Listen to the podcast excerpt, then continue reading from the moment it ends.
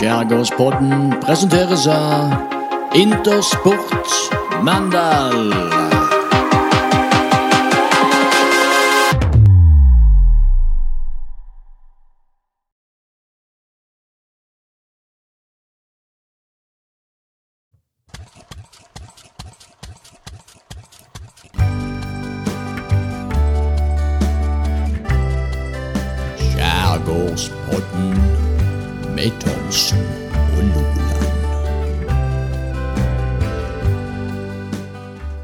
Og velkommen til nok en Skjærgårdspodden-episode.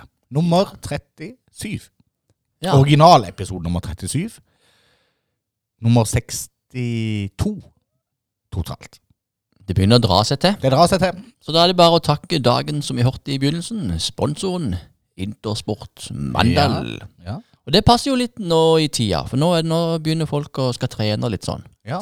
Komme i gang igjen etter sommeren. ja. Jeg er en av de. Ja, du har kommet i Jeg er absolutt en av de. For dette, nå er, dette er liksom diabetesdelen eh, delen av året. Altså høsten. eh, Der er det stor fare for at det på nytt utvikler Ikke den der mest aggressive formen for diabetes, men den der, der eh, som vi snakka om forrige gang, vet du. Den der, eh, Den snille. den snille, type ja. B, Ja, den som du kan- gjøre noe med. Ja, som du kan gjøre noe med. Nå er jeg i ferd med å gjøre noe med den. Eh, og jeg var jo på Intersport her om dagen, for vi har jo eh, rigga til oss eh, treningsrom på kontoret. Ja, Eller vi har ikke rigga det til, men vi har eh, kjøpt inn litt utstyr ja som vi fremdeles står i gangen. eventuelt bruke på et eller annet tidspunkt i framtida. Ja. Jeg har ikke begynt å trene. Jeg burde gjøre det, men jeg har ikke begynt. Ja. Men jeg har en plan. Ja. Skal høre med det her, for det, nå, nå er jeg jo gammel. ja. Så du da, òg? ja, for da er det sånn akilles-scene sånn, som kan ryke og sånn. Mm. Og, eh, og da tenkte jeg at hvis jeg løper på sjøsanden, barbeint, Ja.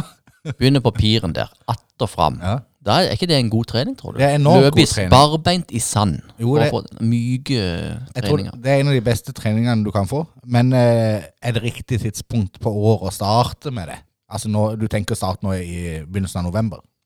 Ja, eh, ja, det er planen. Ja. Det høres litt kaldt ut. Ja, men jeg vet jo ingenting om dette, så det blir veldig spennende å se. Ja, Men du vet jo om det er kaldt eller varmt ute i lufta. Du vet jo om du har lyst til å gå i shorts eller i langbukse. Ja, men jeg måtte ta et valg, for nå prata jeg med Ronny Blix Ja. på Best, pizzapølsestasjonen. Ja. Og, og han hadde jo ryket akilleshælen på sånn pedeltrening. ja. Og vi, vi og han er jo like gamle, cirka. Ja. Og da tenkte jeg nei, jeg må til sanden. Ja. Jeg må løpe Jo, men jeg tror det er en god idé, i faktisk. Ja. Det kan godt være vi har eh, Her tipper jeg hos Spreg eh, Irene hiver seg på. Kommer med tips på hvordan du kan gjøre dette her. Ja, løpe baklengs, for eksempel. Ja. men hva har du gjort i senere tid? Siste uke?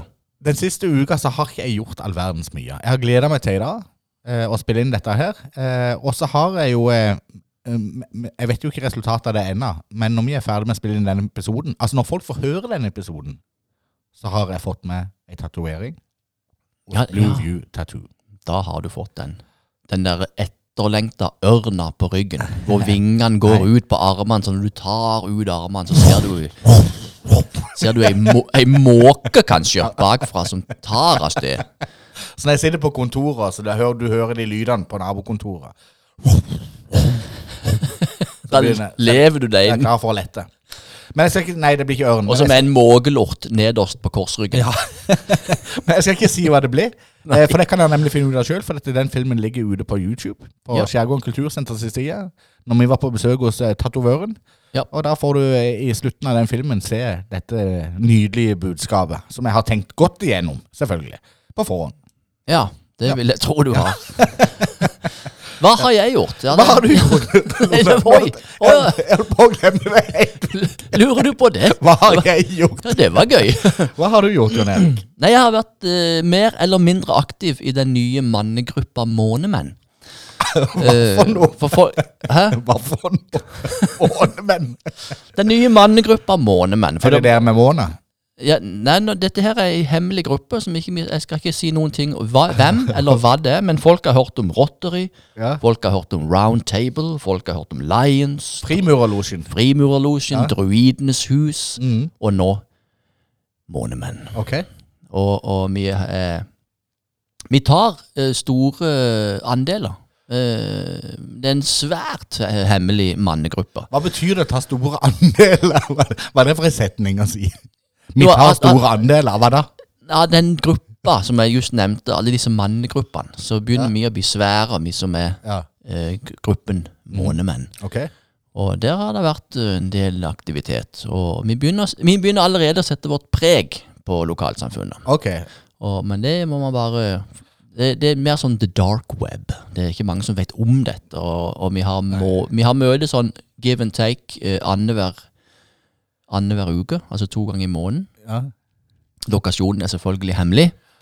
eh, stort sett på sommeren. Prøver du nå å gjøre det mer interessant enn det du egentlig er? Nå må, vi, nå må vi videre. Vi kan ikke vi lar denne henge i lufta. Så Dette høres veldig ut som en sånn en eh, tolvåring som nettopp har flytta til en ny delstat i USA og ikke har noen venner. Som har funnet seg et miljø som, som ikke trenger å være så sunt, men eh, du går all in.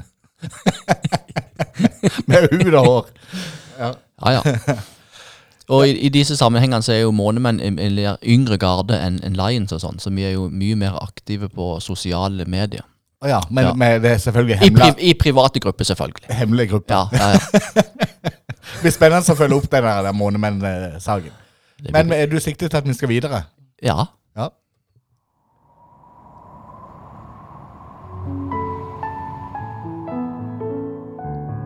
Historisk sus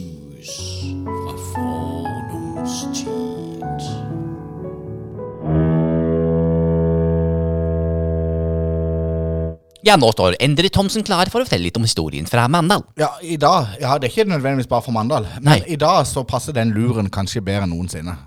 Ah. Fordi at denne kan, eh, luren kan direkte settes som et slags eh, eh, tårn på hele denne historien. Skal du snakke om Ryvingen? Nei, det er ikke så langt unna. Vi skal snakke om et forlis. Å ja. Ja, Ingermann-forliset. Har du hørt om det? Det klinga i ørene mine, Ja. sa meg ingenting. Nei. Men jeg har hørt det. De fleste har hørt eh, begrepet Ingermann-forliset.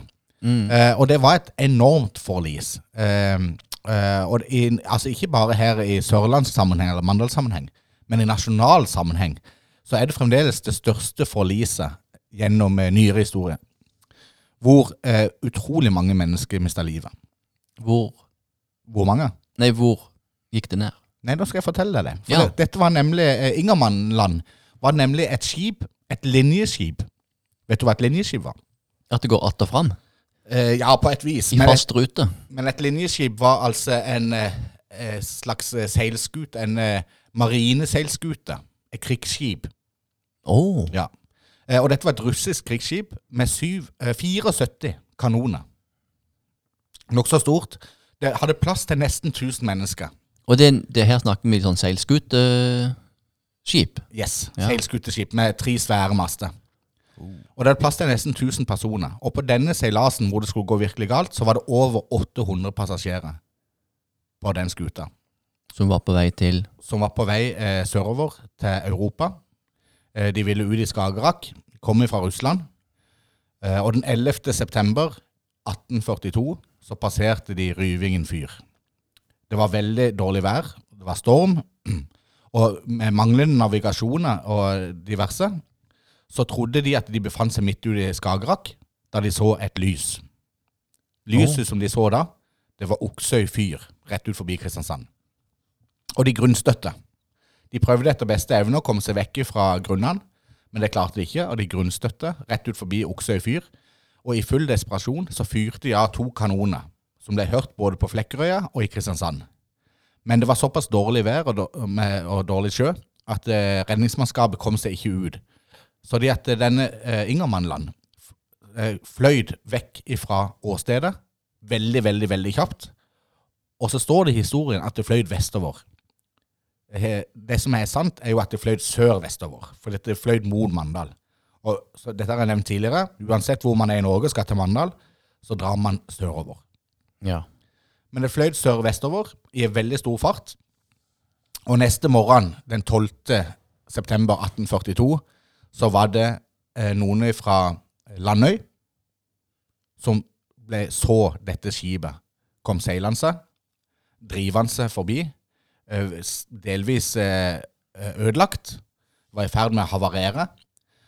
Og de sendte ut redningsmannskapet fra Landøy. Det var de første losene som ble sendt ut til skipet. De kom fra Landøy. Og da sendte de blant, eh, blant annet ut eh, losbåten eh, Tordenskjold for å hente eh, mennesker, overlevende mennesker.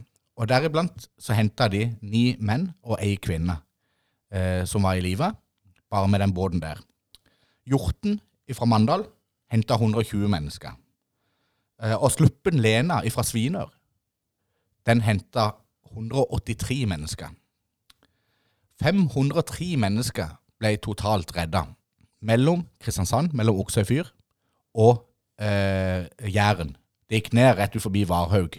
Da gikk det fullstendig ned. Så det fløy helt bort dertil. Dreiv så langt. Ja, Og så var det spesielt mellom Kristiansand og Lista hvor mennesker ble redda. Men totalt så døde altså 389 mennesker i det forliset. En del av disse var barn og kvinner som var med eh, som familie til de som tjenestegjorde på denne Inger Mannland. Nokså vill, eh, Ja, vil det er jo veldig tragisk. Ja. Eh, så har du kanskje hørt om Jens Andersen Dedekam? Dedekams, Jens Dedekams vei i Mandal Ja. er oppkalt etter han. Han var en eh, reder som var eh, bosatt i Mandal og sto bak redningsarbeidet her eh, i Mandal. Og han eh, ble kreditert av selveste tsaren av Russland, tsar Nikolai, keiser Nikolai den første, etterpå denne heltedåden da, hvor de fikk redda i land eh, over 500 mennesker totalt. Og for det så fikk han Sankt Vladimir-orden i gull av tsar Nikolai. Si. Og den medaljen, den har du sett, Loland. Og det var den vi så i Den Mandal. så vi på Mandal bymuseum. Ja. Den ligger der, og det står inngravert Jeg kan ikke helt huske hva det står, men det står for en eh, Altså, det står inngravert i forhold til den redningsaksjonen, da, på den medaljen som han fikk, og den er nå i hende hos Mandal bymuseum. Det er jo veldig flott. Litt sånn spennende i forhold til den saken der, er at tsar Nikolai var veldig fornøyd med det redningsarbeidet som mandalittene gjorde. Så de at, eh, han òg krediterte Mandal by med 2000 dukanter, altså penger, i et fond oh. som skulle gå til Mandal by. Og dette var i 1842. Og det fondet eksisterer fremdeles. Og det sjekka jeg opp senest i går, for da ringte jeg nemlig til. Lensnes kommune. Og så spurte jeg du, jeg bare lurte på dette fondet til tsar Nikolai fra 1842. Åssen står det til med det? Jo da, det er oppe og går. Under kommunesammenslåinga for et par år siden, så var det et av de fondene som ble vurdert sletta. Oh. Fordi at avkastninga fra ditt eh, dukantene, det er ikke på mer enn 400-500 kroner i året. Hvor egentlig eh, allmennheten skal kunne søke på disse midlene. Men her handler det jo ikke om midlene, her handler det om tradisjonen. Så da var Birgitte Sørensen, bestyrerinnen på Vest-Agder-museet, inne i den saken og sa hei, hei, dere kan ikke slette dette fondet, for dette har en utrolig viktig historie med seg. Ja, du gal? Så det fondet består og blir forvalta den dag i dag i 2022 som resultat av det arbeidet som ble gjort. Men det er jo klart, 389 mennesker mista livet i ett forlis. Det er jo et voldsomt forlis. Det er kraftsager, altså. Ja, Men det det, det. dette, kan, se, dette kan, eh, kan man lære mye av om å gå på Mandal bymuseum, som vi var besøkte med et eh, videokamera, som Ja. ligger på vår YouTube-side, hvor man kan gå inn og se besøket. Ja. Så det var altså historien om eh, Ingermann-forliset. Eh, hvis, hvis man vil lese mer om dette forliset, så ligger det masse snadder på det store internettet. Og deriblant så ligger det beskrivelse fra en løytnant på dette skipet som jeg ikke kan huske hva hette, men jeg lurer på om det var Gogorov, et eller annet sånt, eh, som skrev ned sine betraktninger. Og da beskriver han Mandal som en veldig vakker by, for plutselig så åpna det seg når de, Etter flere dager så hadde de uten mat og drikke, så ble de lost inn til Mandal. Og så åpna det seg opp byen, og så så han kirketårnet. Og så så han de røde takene på de hvite husene. De vakre røde takene. Og dette beskriver han veldig veldig fint med sine egne ord i nokså nok lange memorarer. Interessant. Mm. Veldig interessant. Jeg begynner nå begynte jeg å tenke sånn Oi, vi må kanskje ha sånn et årlig historisk show. Kanskje vi burde det. For det er så mye å ta. Ja. Hvor vi ikke trenger å begrense oss på de siste hundre årene, som vi allerede At vi kan ta for oss hele historien. Ja. Ja. Jeg er helt enig, Lola. Utvalgte historier med ting man ikke har hørt før. Særdeles god idé. Men det får være det. Eh, for denne episodens historie. Så håper jeg bare folk hekter seg på og så leser seg opp på Inger Mandal. En veldig spennende historie. En veldig viktig del av Mandals historie.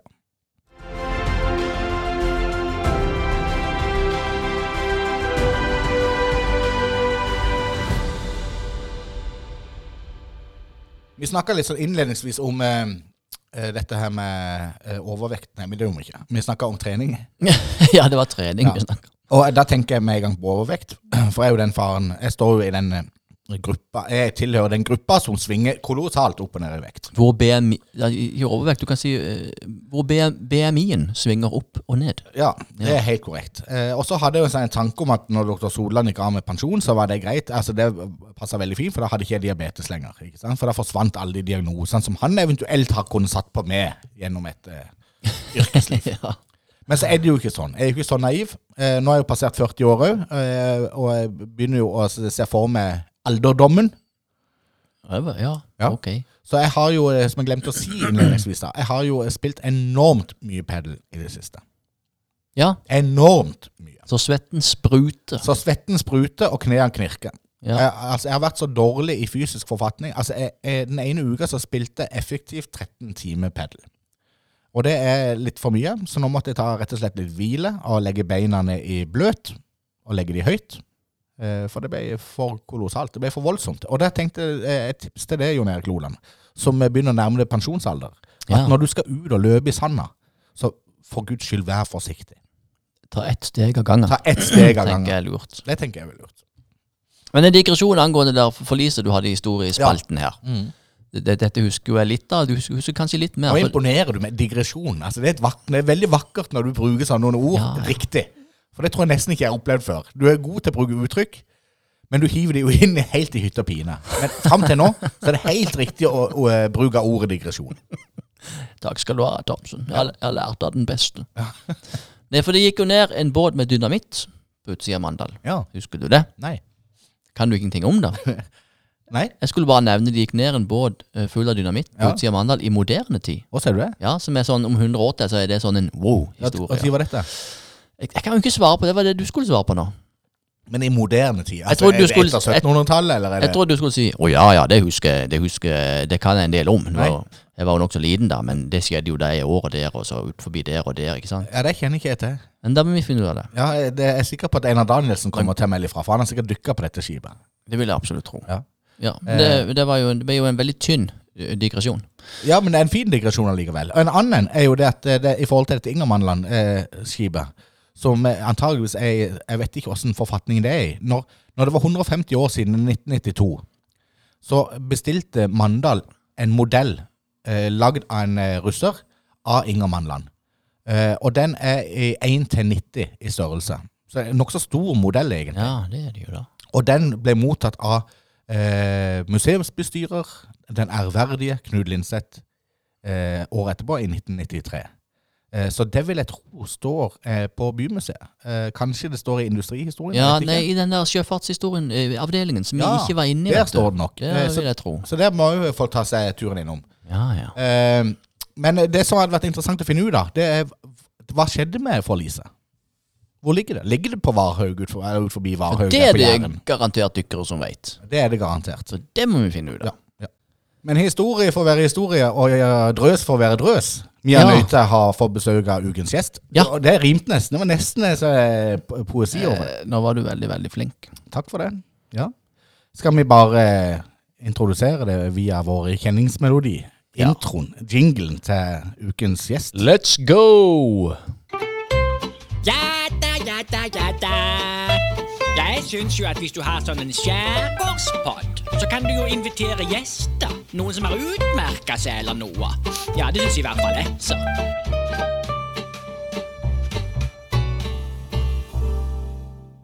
Veldig artig ukens gjest, spør du meg. Ja. Eh, eller eh, Det kan godt være han er uenig sjøl at han er så veldig artig, men han er en utrolig fascinerende eh, mann. ja. Som engasjerer seg i mye rart. Og jeg har, blitt, jeg har blitt holdt litt utenfor i bakgården, så jeg vet jo ikke helt hva som skjer. Så jeg gleder meg til dette. Ja, Hva du mener med det? Skal vi bare presentere den? Ja, Men hva er det du mener for noe? Ukens gjest er Rikard? Fransen. Ukens gjest i Skjærgårdspodden er Rikard Fransen. Han har en bakgrunn som spiller på Mandalskameratene, og er i dag keepertrener på samme lag. Han har arbeidet en årrekke i Nav, under Ung voksen-avdelingen, og er svært aktiv i utelivsbransjen via tidligere Knokkelboden Kroa. Han arbeider i dag hos kanonprodusenten Mandal Casting. Ukens gjest. Velkommen til oss, herr Fransen. Du, tusen hjertelig. Takk for å bli invitert. Vi har jo treffet hverandre før. Du, det har vi. Vi hadde jo heller ei omvisning på Josheim for noen måneder tilbake. Ja, vi hadde det. Eh, og det var jo veldig artig. Men- Den ligger jo på YouTube. Ja, eh, åssen går det med sparkesykkelen? Du, sparkesykkelen har det veldig bra og lever i beste velgående. For folk har vært bekymra, har jeg skjønt. Ja, ja, det er får jo litt spørsmål om han, eh, om han fungerer som han skal, og det gjør han. Det var jo ikke din engang. Det er ikke min, det er dattera på 14 sin, men han funker stort for eh, far.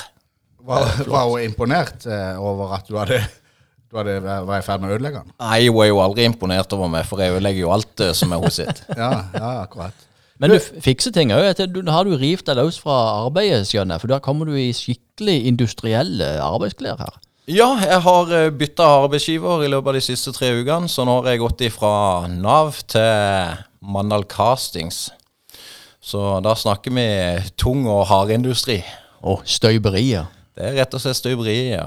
Fantastisk. Det er litt gøy, da, for du har slutta i Nav. Vi har jo snakka en del om Nav i dag. Ja, og i den forbindelse så har jeg lyst til å bare lese opp noe. For jeg fikk nemlig en melding her for en liten stund siden. Og det er ikke årsaken til at du er ukens gjest, men det passer veldig bra likevel. Eh, fordi at da er det et menneske som skriver til oss. Jeg vet ikke om du har lest den meldinga, Jon Erik Loland. Nei. Eh, eh, hei. Eh, hei, dere flotte menn. Oh. Ja. Mm. Nå har jeg ikke hørt alle episodene, men hvis dere ikke har snakket med Rikard Fransen, mener jeg absolutt han fortjener en plass hos dere. Hans hjerte er hos ungdommen, og han har nettopp avsluttet jobben i Ung voksenavdelingen. Til min og vår store fortvilelse. Han har gjort en stor forskjell for de som trenger det mest. Sånn låt den meldinga. Det var en flott melding. Utrolig hyggelig Ja, melding. og det er fra en, eh, kollega, en tidligere kollega av det, som skulle tipse oss om eh, ukens gjest. Jeg kunne ikke vært mer enig. Eh, savner du, savner du eh, ung voksen? Ja, jeg må jo si det at eh, nå har jeg vært tre uker på Mandal Casting, så jeg angrer hver dag. Men, eh, men det kommer seg. Det er, no, det, det, det er en tid for alt, og nå er det castingen. Og jeg har jo jobba der i elleve år tidligere, så det er bare å komme seg inn i det. Det er klart det er stor forskjell på å stå opp klokka fem og stå opp klokka syv. Ja. Og Mandal Casting det er jo en hjørnesteinsbedrift i Mandal. Det er jo en uh, utrolig tradisjonsrik bedrift. Det er det. Nå vet jeg ikke hvor lenge han har eksistert, men det er jo opphav til Mana-motor, eh, så, så ja, han har eksistert sikkert de siste 60 årene. Driver ikke dere med sånn, eh, noe sånn toggreier? Sånn Togskinnegreier? Jo, Ja, vi lager bremseskive til, til tog til den svenske sporveien. Ja, det er jo nokså stor greier der, der. Jeg var ikke klar over det, men jeg måtte jo inn og lese litt om Mandal Casting her for noen uker siden. Uh, og det er jo nokså spennende. For mange tenker jo at ja, ja, det ligger en eller annen sånn, der borte, en sånn en, mur, murbedrift. Men det ser ikke ut som det skjer noe. Men det skjer jo kolossalt mye der. Ja da, og det er en fantastisk flott bedrift, og det, det er en stor bedrift. De omsetter vel for 60 millioner i året, så det i, i, I forhold til Mandal og industrien generelt, så er det en ganske stor bedrift, og en bra bedrift å være ansatt i. Men har da vi jeg må bare ta det, for da lager vi noen gøye ting òg. Lager dere ikke sånn kanoner som folk kan ha utstilt hjemme? Jo, vi, vi snakka litt om det i stad, Jan Erik. Og det, jo, vi har litt forskjellige typer kanoner. Blant annet på Kastellodden så har det jo stående et par kanoner. De er, Og de er blant fra annet- castinga, ja. De er fra Mandal Castings. Stilig. Så man kan, altså Som privatperson så kan man bare ringe og bestille seg en kanon. Kan man ringe og bestille seg en kanon, og er det tid og anledning, så kan det lages. Det burde vi egentlig ha her på Skjærgården kultursenter. Vi burde ha en kanon. Men jeg er mer bekymra for det festet til kanonen. Må man lage det sjøl? Det må du ordne på egen hånd, eller få en snekker til å gjøre Ja, men det kan Endre Thomsen. hatt sånn- Endre Thomsen lage det på no time. Du kunne ikke vi hatt sånn åtte-ti kanoner hengende ut eh, av, av bygget, på, altså ut mot veien der? Jo, vi som- kunne ta inn og ut. Som det erigerte kultursenteret vi er. Ja. Der står de ut. Det eneste, det har vi jo faktisk en utfordring. Fordi at nå har vi jo eh, fått eh, en haug med eh, ukrainske flyktninger. Og Da bør vi tenke på det når de er på vei til skolen om morgenen, at vi tar det inn, i kanonene. Ja, nok om det. Men eh, du er jo en veldig interessant mann, eh, Rikard Fransen. Og du har jo bedrevet med mye rart. Eh, og jeg har jo hatt den æren av å spille på fotballag sammen med deg gjennom mange år. Eh, og der har jeg en eh, Der husker jeg spesielt én episode veldig, veldig spesielt godt. Og det var borte mot Randesund. Eh, og jeg tror vi spilte på juniorlaget.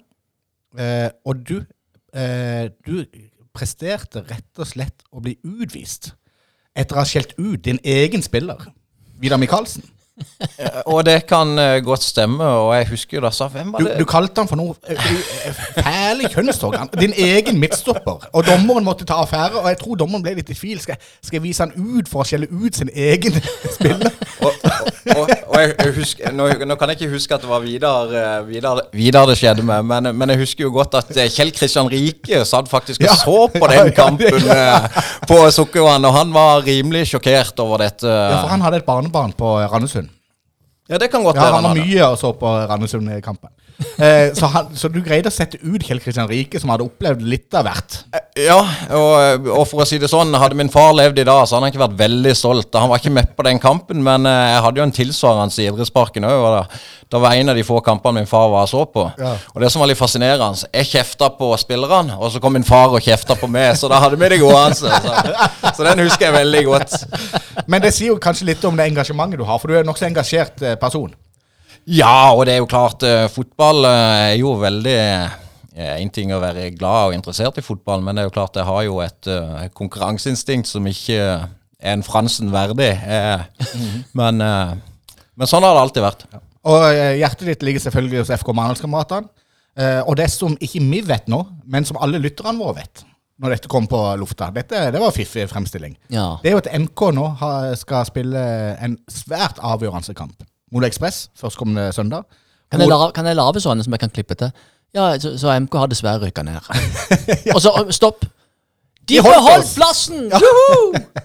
Men det vet vi om noen dager til, og da, er det, da står det mellom tredje og fjerde divisjon.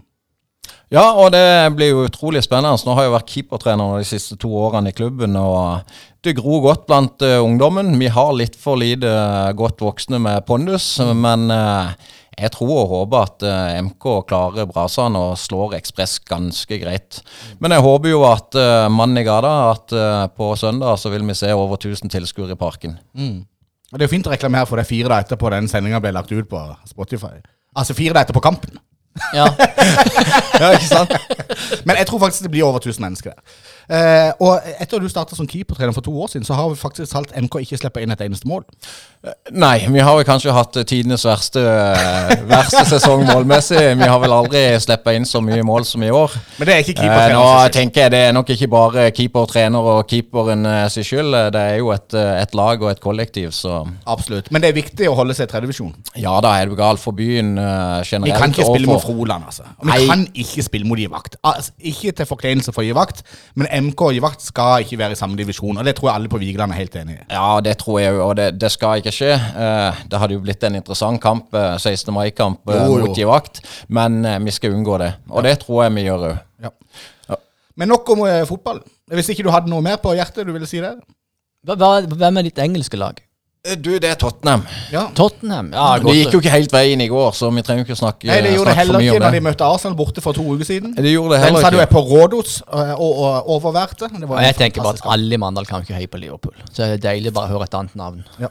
Men, men, men nå har vi jo en mann fra, fra Vigeland og en mann fra Mandal her. I, Ja, nå fornærmer du han, for han er nemlig ikke fra Vigeland. Jeg har jo ikke- prøvd å si det noen ganger. Han er mandalsmann. Han er fra Ja, Krabbehaugen. Mandalsmann. Ja, Men alle tror jo at han er fra Vigeland. Ja, for egentlig så har jeg en veldig god historie, men dette er jo litt fotballrelatert, og det går jo til Brage i tid. Ja. Og da var vi på Fredrikstad-kamp. Det var jo når MK spilte i Adeccoligaen. Ja. Og så var det jo eh, god, god gang og god stemning, og vi hadde booka hotell og skulle, skulle kose oss i Fredrikstad.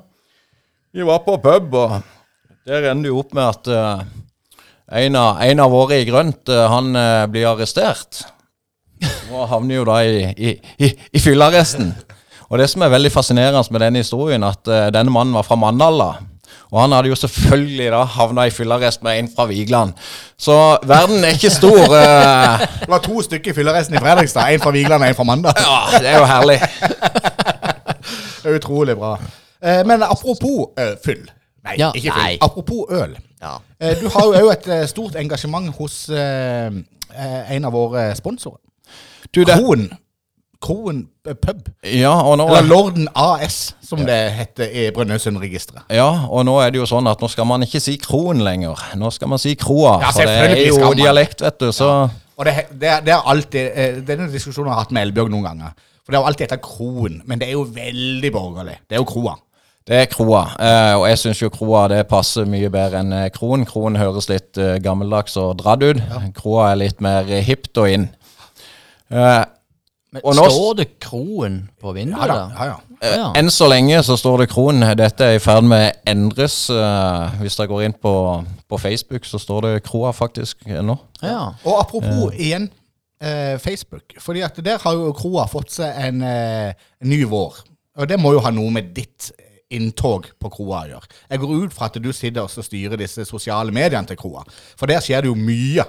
Jo, takk for det. Ja, det skjer uh, veldig mye. Vi har uh, som et uh, mål å legge ut syv innlegg i uka på Instagram og Facebook. og det har vi egentlig treffet ganske bra med. Ja, og nå snakker vi om ting som er digge. Jeg elsker jo å jobbe i ja det må du fortelle litt om. Og Hvorfor er det engasjementet så sterkt? Nei, jeg vet ikke. Jeg bare er jo veldig glad i folk generelt. og det å treffe folk på byen, om man er ute sjøl eller om man er på jobb, det er bare noe som tiltaler meg. Eh, jeg liker det. det Du får energi. Du er ekstrovert. Ja, det er mye energi, og det er mye fascinerende karakterer ute og går, og, og det liker jeg godt. Ja, Det er viktig å ta vare på, fordi de forsvinner jo dessverre.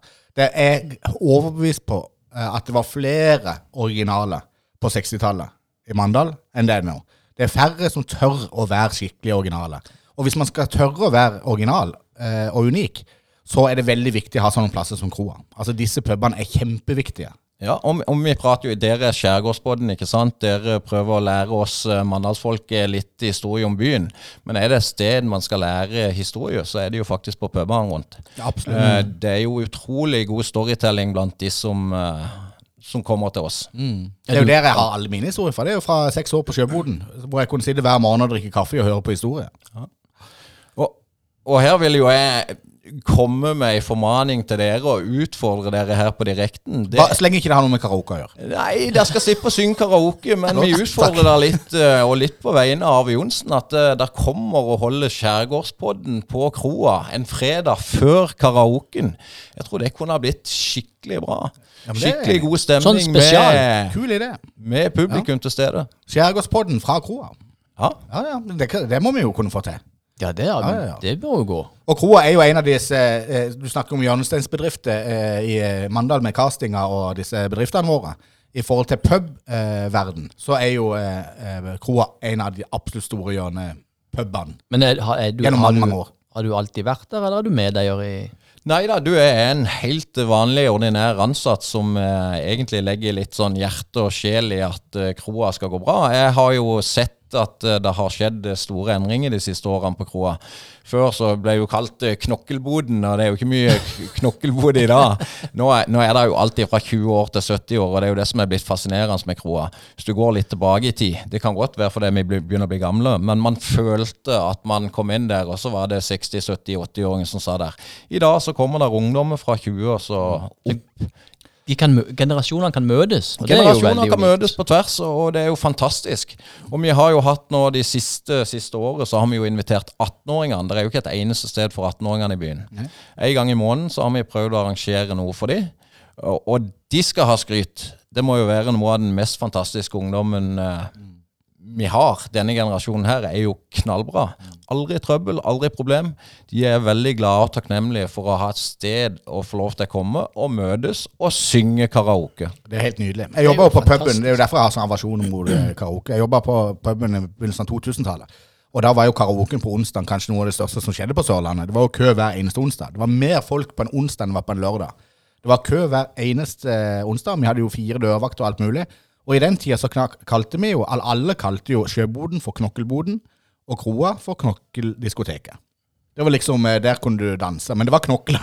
Det var knokler på Boden, og det var knokler på Kroa. Men det er slutt på den tida der. Det var jo der Endre eh, sang mye karaoke den gangen han sang den der 'My Heart Will Go On'. Og det var det som skaffa alle disse køene. Og, og det ble for mye for han. Og er derfor han har sånn Han får piggene ut med en gang. Men der var han god. Der var han god. Endre Celine Thomsen. Ja. Nei, men jeg, jeg beundrer det engasjementet du har for utelivsbransjen, og jeg er sikker på at Arve Johnsen er kjempefornøyd med at du er der. Og jeg er helt overbevist om at disse eh, eh, de, Nå holdt jeg på å kalle dem for pasienter. disse gjestene som går på kroa, eh, er veldig, veldig glad for at eh, de har fått tak i det. For det skjer jo noe. Ja, og det er jo et ønske at det skal skje noe i byen eh, hele tida. Og det er jo klart at eh, sånn som eh, utelivet utarter seg da, så er det rom og plass til alle. Men vi ser jo det at de fleste, det er kun lørdagen vi får til per dags dato. Og så har kroa da, og sammen med sjøboden, klart å beholde fredagen. Og vi må jo ærlig innrømme at vi, spesielt på sommerstid, så drar vi jo nytte av alt som skjer i byen. Og det skjer jo fantastisk mye i denne byen. Men resten av byen drar jo veldig nytte av det dere holder på med gjennom hele året. Ikke sant? For dette, det er jo, mm, flere og flere blir jo sånn sesongbasert eh, uteliv. Mens kroa, sjøboden og disse pubene, de holder jo oppe hele året. Og det er alltid liksom rom for en plass. For det er viktig å ha en plass å gå til. Daglig for mange. Ja, om, Om det bare er kaffe, eller, men man må ha en plass å treffes. Ja, og vi er nå et av de eh, stedene igjen i byen eh, der faktisk tilbyr eh, gratis livemusikk hver lørdag. Eh, og det tror jeg òg er noe publikum setter pris på. At ikke de må betale 300-400 kroner hver gang de skal høre på noe musikk. Eh, jeg, skal, jeg skal fortelle en bitte liten historie fra kroa. Fordi at, eh, og Den er forelda, så det gjør ikke noe å fortelle den. Men det var i den tida pappaen til Arve drev, Øyvind Johnsen, som jeg var veldig god kamerat med. Da drev jeg sjøboden, og han drev kroa. Vi hadde et veldig veldig fint samarbeid.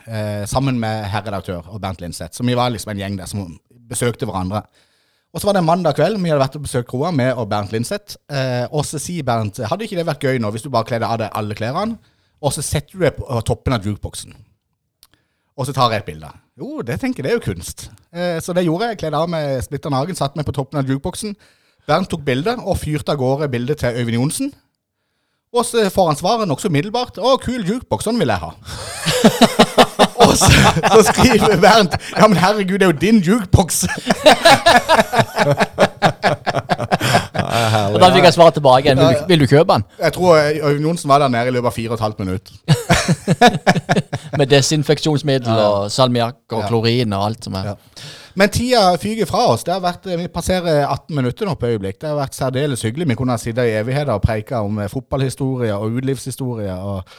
uh, Vi fikk ikke prata så mye om dette enorme arbeidet du gjorde i Nav, uh, men det får vi gjøre en annen gang. Og jeg håper de har klart å tilsette noen som er i nærheten av det arbeidet du gjorde. Ja, disse bremseskivene til de svenske togene, de lar ikke seg sjøl. Nei, de lar ikke seg sjøl, det er helt sikkert. Men Rikard Fransen, tusen hjertelig takk for at du kom til oss i Skjærgårdspodden. Du, takk for at eh, jeg fikk eh, lov til å komme. Og så eh, må dere ha den der i bakhuet at uh, dere kommer og så holder en podkast på kroa. Det hadde vi satt utrolig stor pris på. Hvis jeg lover mer nå i den skjærgårdspoden, så må jeg legge meg flat eh, hver eneste uke. Men eh, vi skal virkelig ha det i bakhodet. Det hadde vært kjempegøy.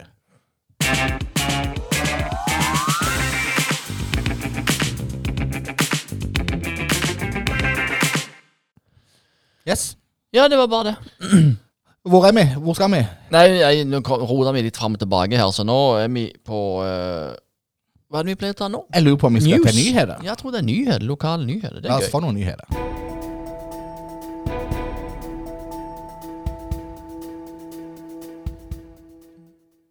Welcome to the news. Ja, men du kan begynne med lokalhistorie. Jeg vil gjerne begynne Dette er jo din favorittspalte. Dette er min desidert favorittspalte. Og jeg skal følge opp en sak eh, som jeg hadde for noen uh, episoder siden, om Vennesla.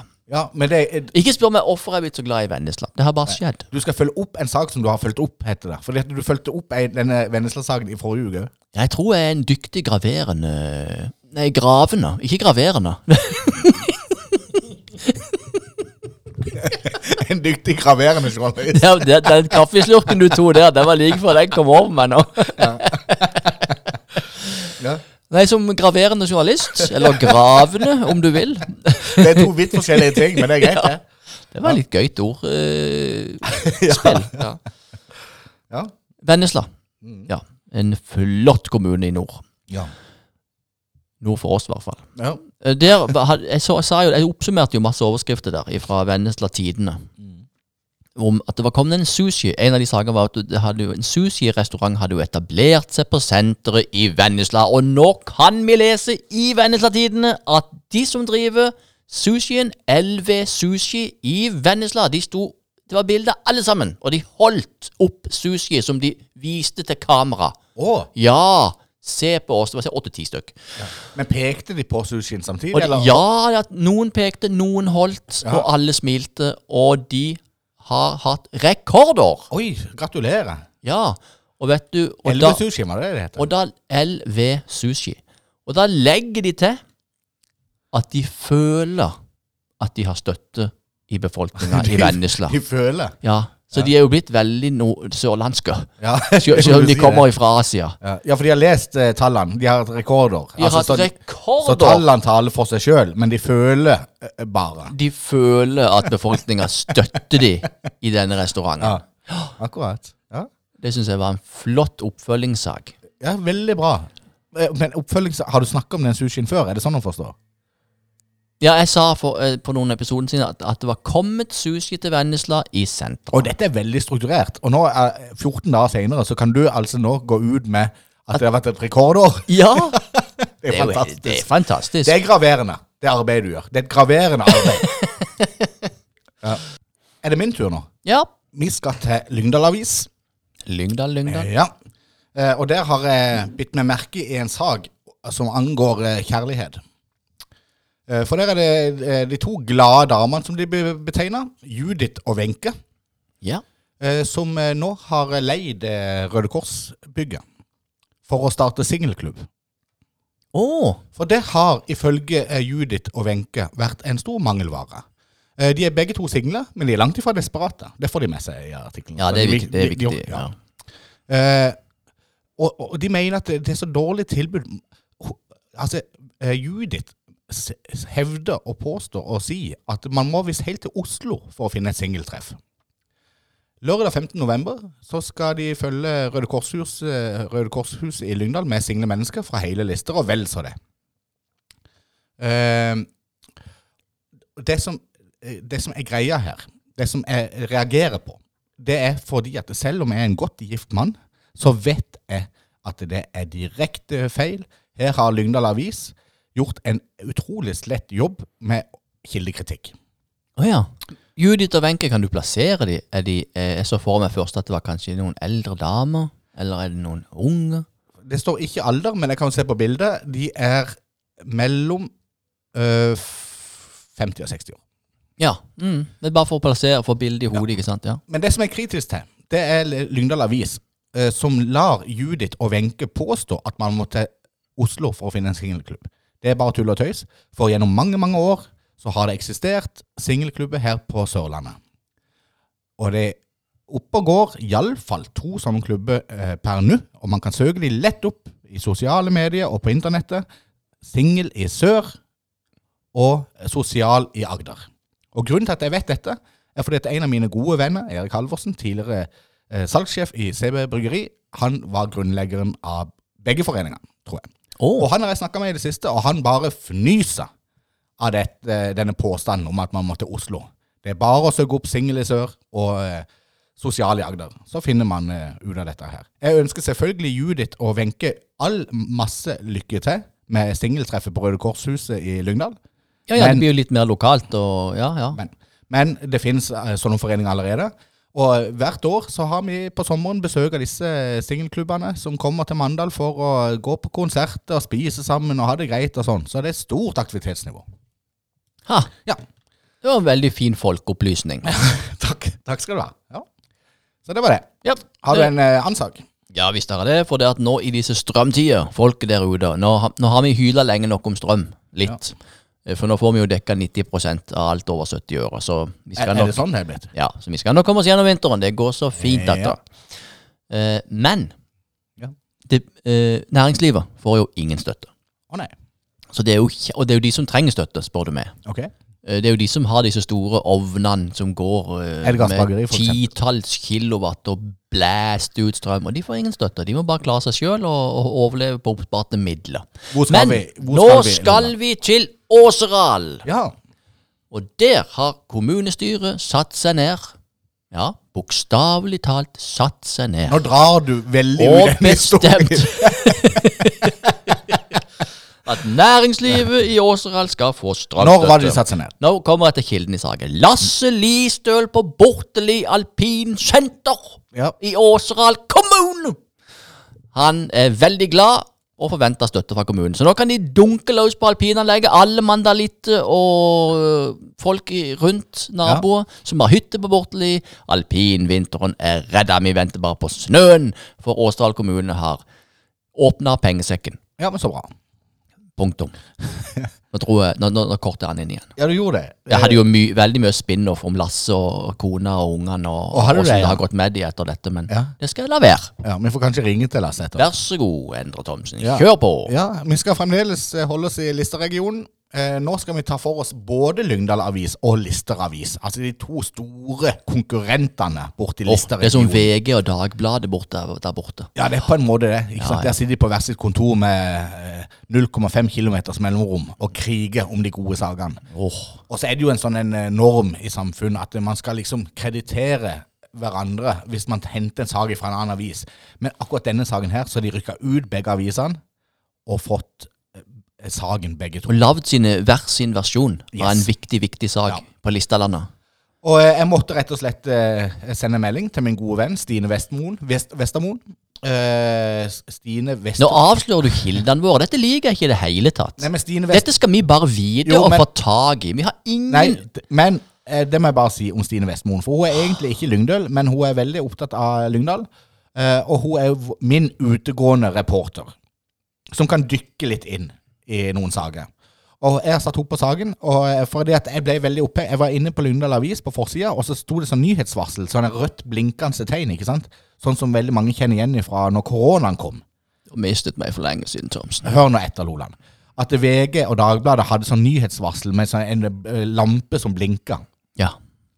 En digresjon i forhold til lampe som blinker på ja. nyhetsvarsel. Nå er det du som drar ut saken. Ja. I lange drag. I begynnelsen av koronatida Digresjon inni en lokal agurksak. Da Ja. har du Nei, men vi skal fremdeles holde oss til agurksaker, ser du. For jeg har vært eh, jeg, jeg var nemlig inne i eh, det landskapet i begynnelsen av korona. Fordi at da sto det eh, en sak på Lindesnes Avis. Én mann bekreftet smittet i Lindesnes kommune. Med sånn nyhetsvarsel. Det blinka alle veier. Blinka det i Lindesnes avis? Det blinka på forsida til Lindesnes Avis. Å ja, hadde er jo sånn blinker. Ja. Ja, ja. Og denne mannen, det var jo meg. ja, det var du. Ja. Og da ringer Jens Ola Damkås, min gode venn, som er i Maran kafé. Så ringer han til meg, så sier han du vet jo alt hva som foregår i Mandal. Hvem er denne mannen som er smitta av korona? Og så sier jeg til han at det kan ikke jeg si. Jeg tror jeg vet hvem det er, men jeg har taushetsplikt. Og så sier han du får ikke lov til å si sånn. Det går ikke an å si sånn. Og så sier jeg nei, jeg bare tuller. Det er meg. Og hva er oddsen for det at han skal ringe til meg for å finne ut av hvem det er i Linsnes kommune som er smitta av korona, og så er det meg?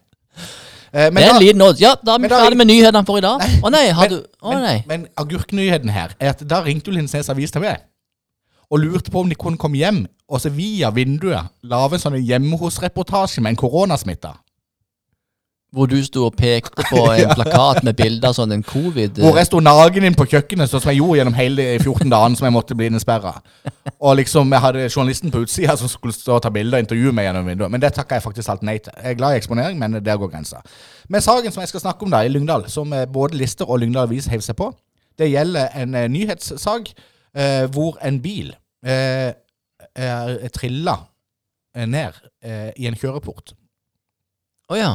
Og begge avisene heiv seg over denne, og Lister Avis er det eneste avisen som har greid å få tatt bilde av selve bilen. Eh, Det har skjedd i svært lav hastighet. Fører er oppegående. Punktum. Å, det var godt. Ja. Og dette skjedde midt i Alén sentrum, en dramatisk hendelse inne i parkeringskjelleren under Rådhusparken, hvor det, eh, føreren har gått ut av bilen, og så har bilen trilla i svært sakte fart inn i kjøreporten. Inn i kjøport. Eh. Lyngdal Avis tok, sag, tok fatt i saken med en gang og lagde det til en nyhetsvarselsak. Men Lister Avis var hakket foran og, rykka ut og fikk tatt bilde av denne bilen som sto delvis i klem. Det ser nesten ut som han er parkert ved siden av Ja. kjøreporten. Så eh, det, det, det ser ut som det er null skade på bilen. Men altså, Listeravis, altså det er ute i Farsund, de heiv seg rundt og kjørte inn til Lyngdal. Ja, men Lyngdal er jo Og klarte å ta Lister, bilde. Jo, men at Lyngdal Avis er jo i Lyngdal. Ja, ja, ja, ja. Lister er jo i Farsund. Ja, ja, det er absolutt under enhver kritikk det som Lyngdal Avis har foretatt seg i forbindelse med denne saken her. Det er ingen pekebilde. Eh, Men det eh, gjorde Signe Marie Rølland, som vi kjenner fra Lindesnes Avis tidligere. Hun er nå i Lister Avis, eller hun er frilanser, så hun rykka ut og tok bilde av dette her. Ja, ja, ja. Hun har, hun har lært eh, når hun jobber i Lindesnes Avis, hvor viktig det er å komme og ta bilde av ting som skjer. Og så bare så avslutningsvis i forhold til den saken, så kan jo politiet på Twitter fortelle klokka 20.39 eh, at de var ferdige på stedet, og at de oppretter sag. Det har derimot ikke blitt tatt beslag av førerkort. Da var det greit. Det var den saken. Da, fikset. da legger vi den saken død, Da legger den som saken Jon Almaas sier. Ja. Skal vi legge hele spalten død for denne gang, eller hva tenker Ja. du mye om det? Tenker at det er lurt.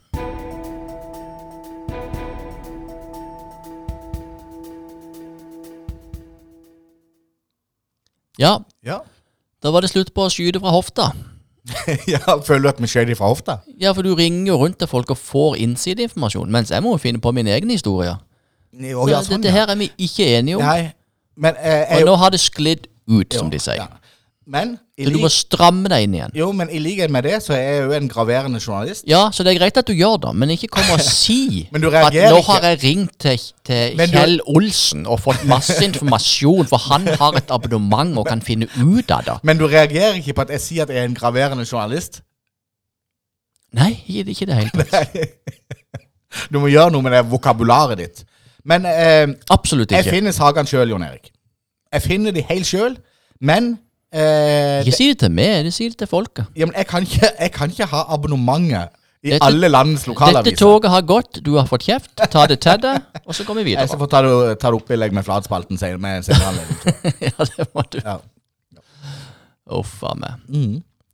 Vi er på drøsen, for vi skal like før rulle inn i en sinnaspalte. Uh, og jeg har forstått det slik at du har vært blitt opprørt atter en gang.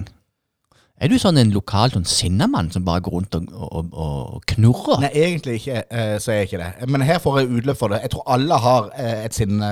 Et sinne. For hver uke så er du så eitrende forbanna på et eller annet hver gang, og jeg klarer ikke å komme på noe. Og så, og så hver gang så sier du Ja, de som er krenka.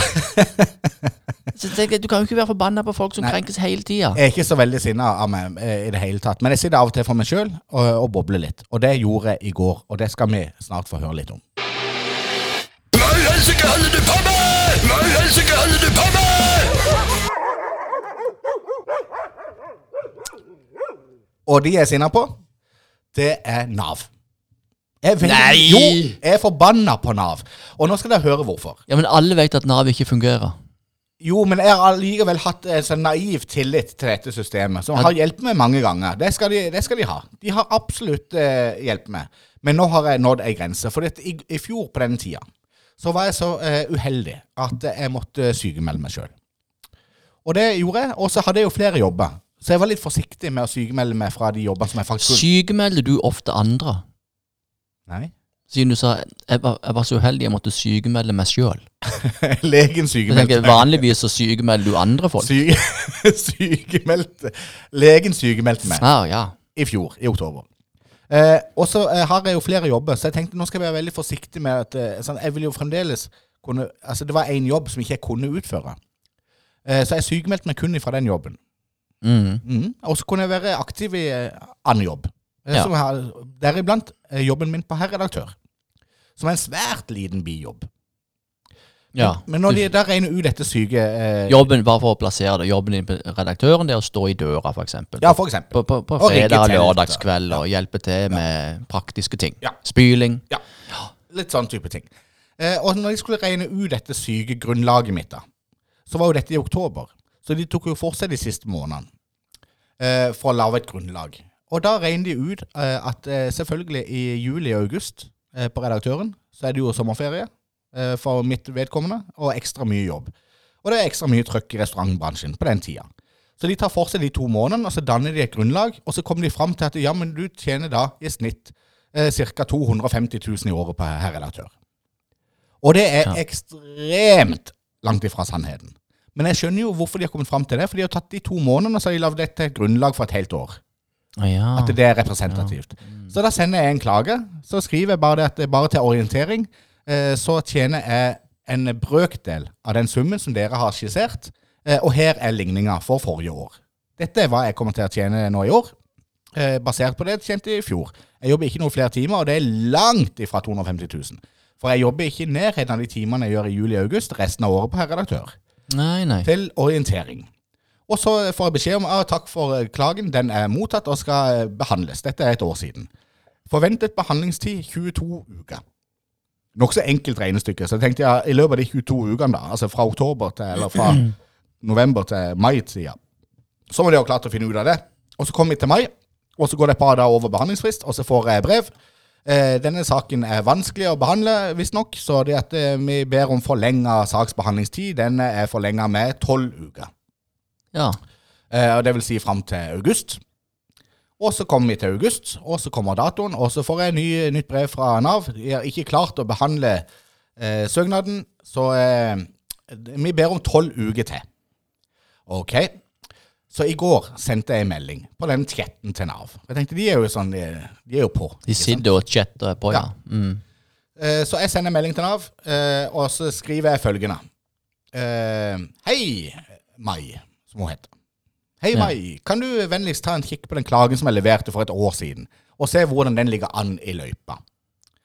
Eh, og det skulle jo selvfølgelig Mai gjøre, eh, og da skriver Mai bare tilbake igjen. Eh, hele det brevet som jeg fikk i august, skriver hun tilbake igjen. Så skriver jeg bare til henne og Mai. Ja, det er tredje gangen Det er tredje gangen jeg får et sånt et, eh, svar. Et uhyre enkelt regnestykke. Og så svarer Mai på den meldinga mi, da. OK. Punktum. og så lar jeg den bare henge litt, for jeg tenker hun er i ferd med å skrive noe nytt og skal hjelpe meg ut med den saken og så se hva hun kan gjøre. Men så svarer hun ikke, så sier hun ikke noe mer. Så skriver jeg da etter en liten stund. Kan jeg etterspørre grunnen for at det ikke fattes et vedtak på klagen min? Eller er det mulig å purre? Tenker jeg nå er åpen for, er åpen for løsninger, ikke sant? Og, Ja, ja, ja. hva, hva kan de komme med? Uh, jeg vet dessverre ikke om årsaken, da jeg ikke jobber i Nav arbeid og ytelser. Det hjelper ikke å purre. De, gjør, de, eh, de arbeider med saken så fort de kan. Nei, det gjør de ikke. Eh, Og så skriver jeg OK. Punktum. Jeg tenkte jeg skulle svare på hos en OK. Mm. Men hvem i all verden kan jeg snakke med i Nav og arbeid og ytelser? Spørsmålstegn. Ingen svar. Det bobler ikke, for det, de har jo sånn chat akkurat som på Messenger, det, det bobler når de er i gang. Ja, ja, ja. Og det går minutter på minutter, så skriver jeg Er du der, Mai? så skriver hun i en gang. Jeg skjønner at du gjerne ønsker at saken blir ferdig behandlet. Jeg skjønner at du vil ha fortgang. Nav, arbeid og ytelser har ikke telefoner. Dersom de skulle ta imot telefoner av folk som lurer på om deres sak er ferdig snart, Oi. vil saksbehandlingstiden ta mye lengre tid. Derfor er det slik. Punktum. Case closed. Ja, da fikk du passe påskrevet. Ja. Sånn er det. Og da kjente jeg faktisk alt det, det bobla inni meg. Jeg hadde lyst til å skjelle ut, men det gjorde jeg ikke, for jeg vet jo at det, disse blir tatt vare på, disse samtalene, og det kan dessverre påvirke min sak negativt. Men har du vurdert å gå bort til det nye Nav-bygget i Mandal? Det helt nye som er blitt åpna, og alle smiler og er glad? Og gå inn der og prate med en saksbehandler? Jo, men det har jeg prøvd, og det er ikke, det er ikke så lett, for dette. de har ikke noe med den klagen å gjøre. For den klagen er jo eh, ar, Ja, Nav, arbeid og ytelser som sitter på altså, Og der finnes det ikke telefoner heller, dessverre. De har ikke telefonmaskiner på det kontoret. Eh, og ingen vet hvor det kontoret ligger. Eh, det kan godt være det ligger i et annet land, for alt jeg vet. In the dark web. Det er ikke sikkert noen jobber der. Det kan godt være det er bare en eller annen svær monstermaskin. Nei, men det er sånn det Men det, det, dette er veldig bevisst. Dette har Harald Eia tatt opp i, i sin eh, folkeopplysningsprogram. Okay.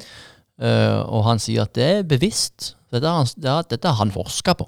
Det er bevisst lagt opp veldig, veldig vanskelig. For det skal være veldig, veldig vanskelig å være arbeidsledig, sykemeldt, trygda, alt sånn. For at folk ikke skal søke det. Ja. Og jeg har opplevd det samme sjøl. Jeg har en liten kort historie om det òg. Ja. Jeg var permittert i begynnelsen av året. Eh, og så kom jeg i jobb igjen, for jeg hadde litt lite å gjøre. Så kom jeg i jobb igjen nokså fort. Eh, og alt, alt ble innvilget, så jeg var permittert, sendte noen få meldekort, og så var jeg på'n igjen. Så gikk det under tre måneder, så måtte jeg permittere meg litt grann til, for da ble det litt stille igjen. Og da måtte jeg gjøre alt på nytt. Ny søknad, måtte sende inn nye eh, sånn der eh, eh, arbeidsavtale. Måtte notere ned alle timene jeg hadde jobba de siste tre årene. Og da skjønte jeg jo, da kjente jeg jo musa eh, i bislager. Men Kjente du musa i Bislager? Og tenkte dette gidder jeg ikke. Nei. Og da oppnådde jo de Da vant Nav. Ja. Jeg orker ikke. Ja. Men dette men Må finne andre løsninger. Ja. jeg, jeg skjønner ikke at folk orker å være en del av det systemet. Jeg hadde gjort hva som de kommer, helst og de kommer til å lykkes i, min, eh, i forhold til meg, for jeg kommer aldri til å gidde å sette meg i en sånn situasjon igjen. Nei, nei. Men nå er jeg ferdig med den perioden, og de skylder meg massevis av penger. Så derfor tenker jeg, det, det, det er jo ikke rett at de bare skal trenere det til at de ikke gidder å be om de penger lenger. Nei, det er jo ikke det. Nei. Men det er jo sånn Gratulerer, Nav, dere har vunnet igjen. Ja, det er helt sant. Men har du en sinnaspalte? Eller hever du det bare på min? Også? Nei, jeg har en sinne som Ja, ja, ja. Og det eh, jeg har en sinne, Jeg jobber sammen med en person Ok. av og til Mm. som er veldig ustrukturert Å ja. og rodete.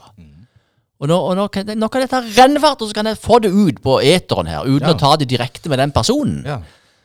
For, for den personen er, er Er til dels rodete og, og, og altså, uomtenksom til tider, okay, rett og slett. Ja, og, og, og hale ting ut og ah, Så, så det, jeg vil bare få det ut. Ja. Ja. Så jeg håper han tar seg sammen. Kanskje han hører på dette programmet, så skjønner han hvem det er. Men hva er det, det hva er konkret er det det gjelder? Er, er, er det noe så? Det er sånn, det er sånn 14 kaffekopper på kontoret, og, og hive klær her og der, og Altså, det er mye all slags, altså. ja. Men Skulle har, hente ting, bare hente noen ting der, vet du. Vi blir det- aldri men har dere ikke et system inn på dette kursenteret altså, som fanger opp disse tingene? Har dere ikke en Det, er- ledelse? men det er ikke på kurssenteret. Og det er ikke på kursenteret? Nei, nei, nei, nei. Det er en annen arbeidsplass som er en er annen på. arbeidsplass, ja. Som jeg bare er på en gang i uka. Oi, himmel og. Yes. Så Ja, det håper de får ta tak i, for det er, jo, det er jo synd at det skal gå utover det. Ja, jeg føler jo det. Ja. Så, så, så man kan stramme seg litt grann inn. Ja. At søpla, liksom, det kan man legge i søppelkurven. Trenger ikke ligge på bordet. Jeg håper at denne eh, personen som du er ute etter, hører på og tar seg sammen. Det får vi håpe på. Ellers så blir jeg eitrende forbanna. Ja, det er så godt å være noen, vet du. Ja.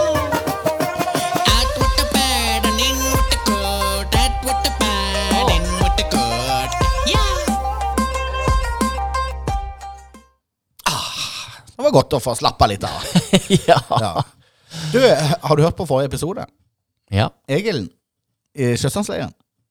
Nei, sorry. Nå sa jeg ja for fort. Eh, Jeg tenkte på Jeg var en episode før der igjen. Råd, Rådås-episoden. Ja. Egil eh, Husker vi ringte til han?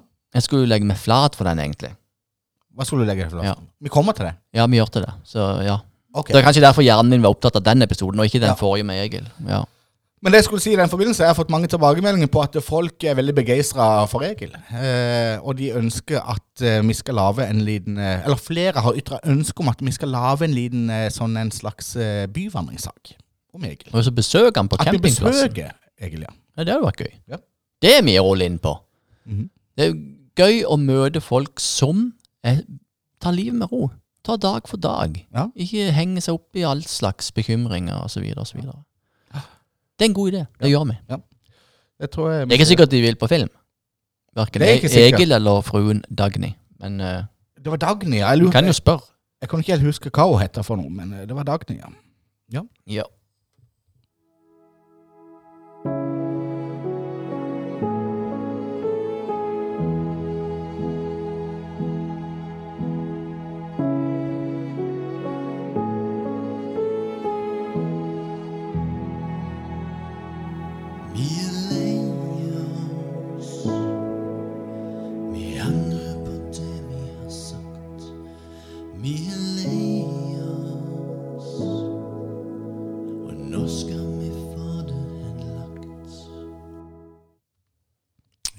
Mm.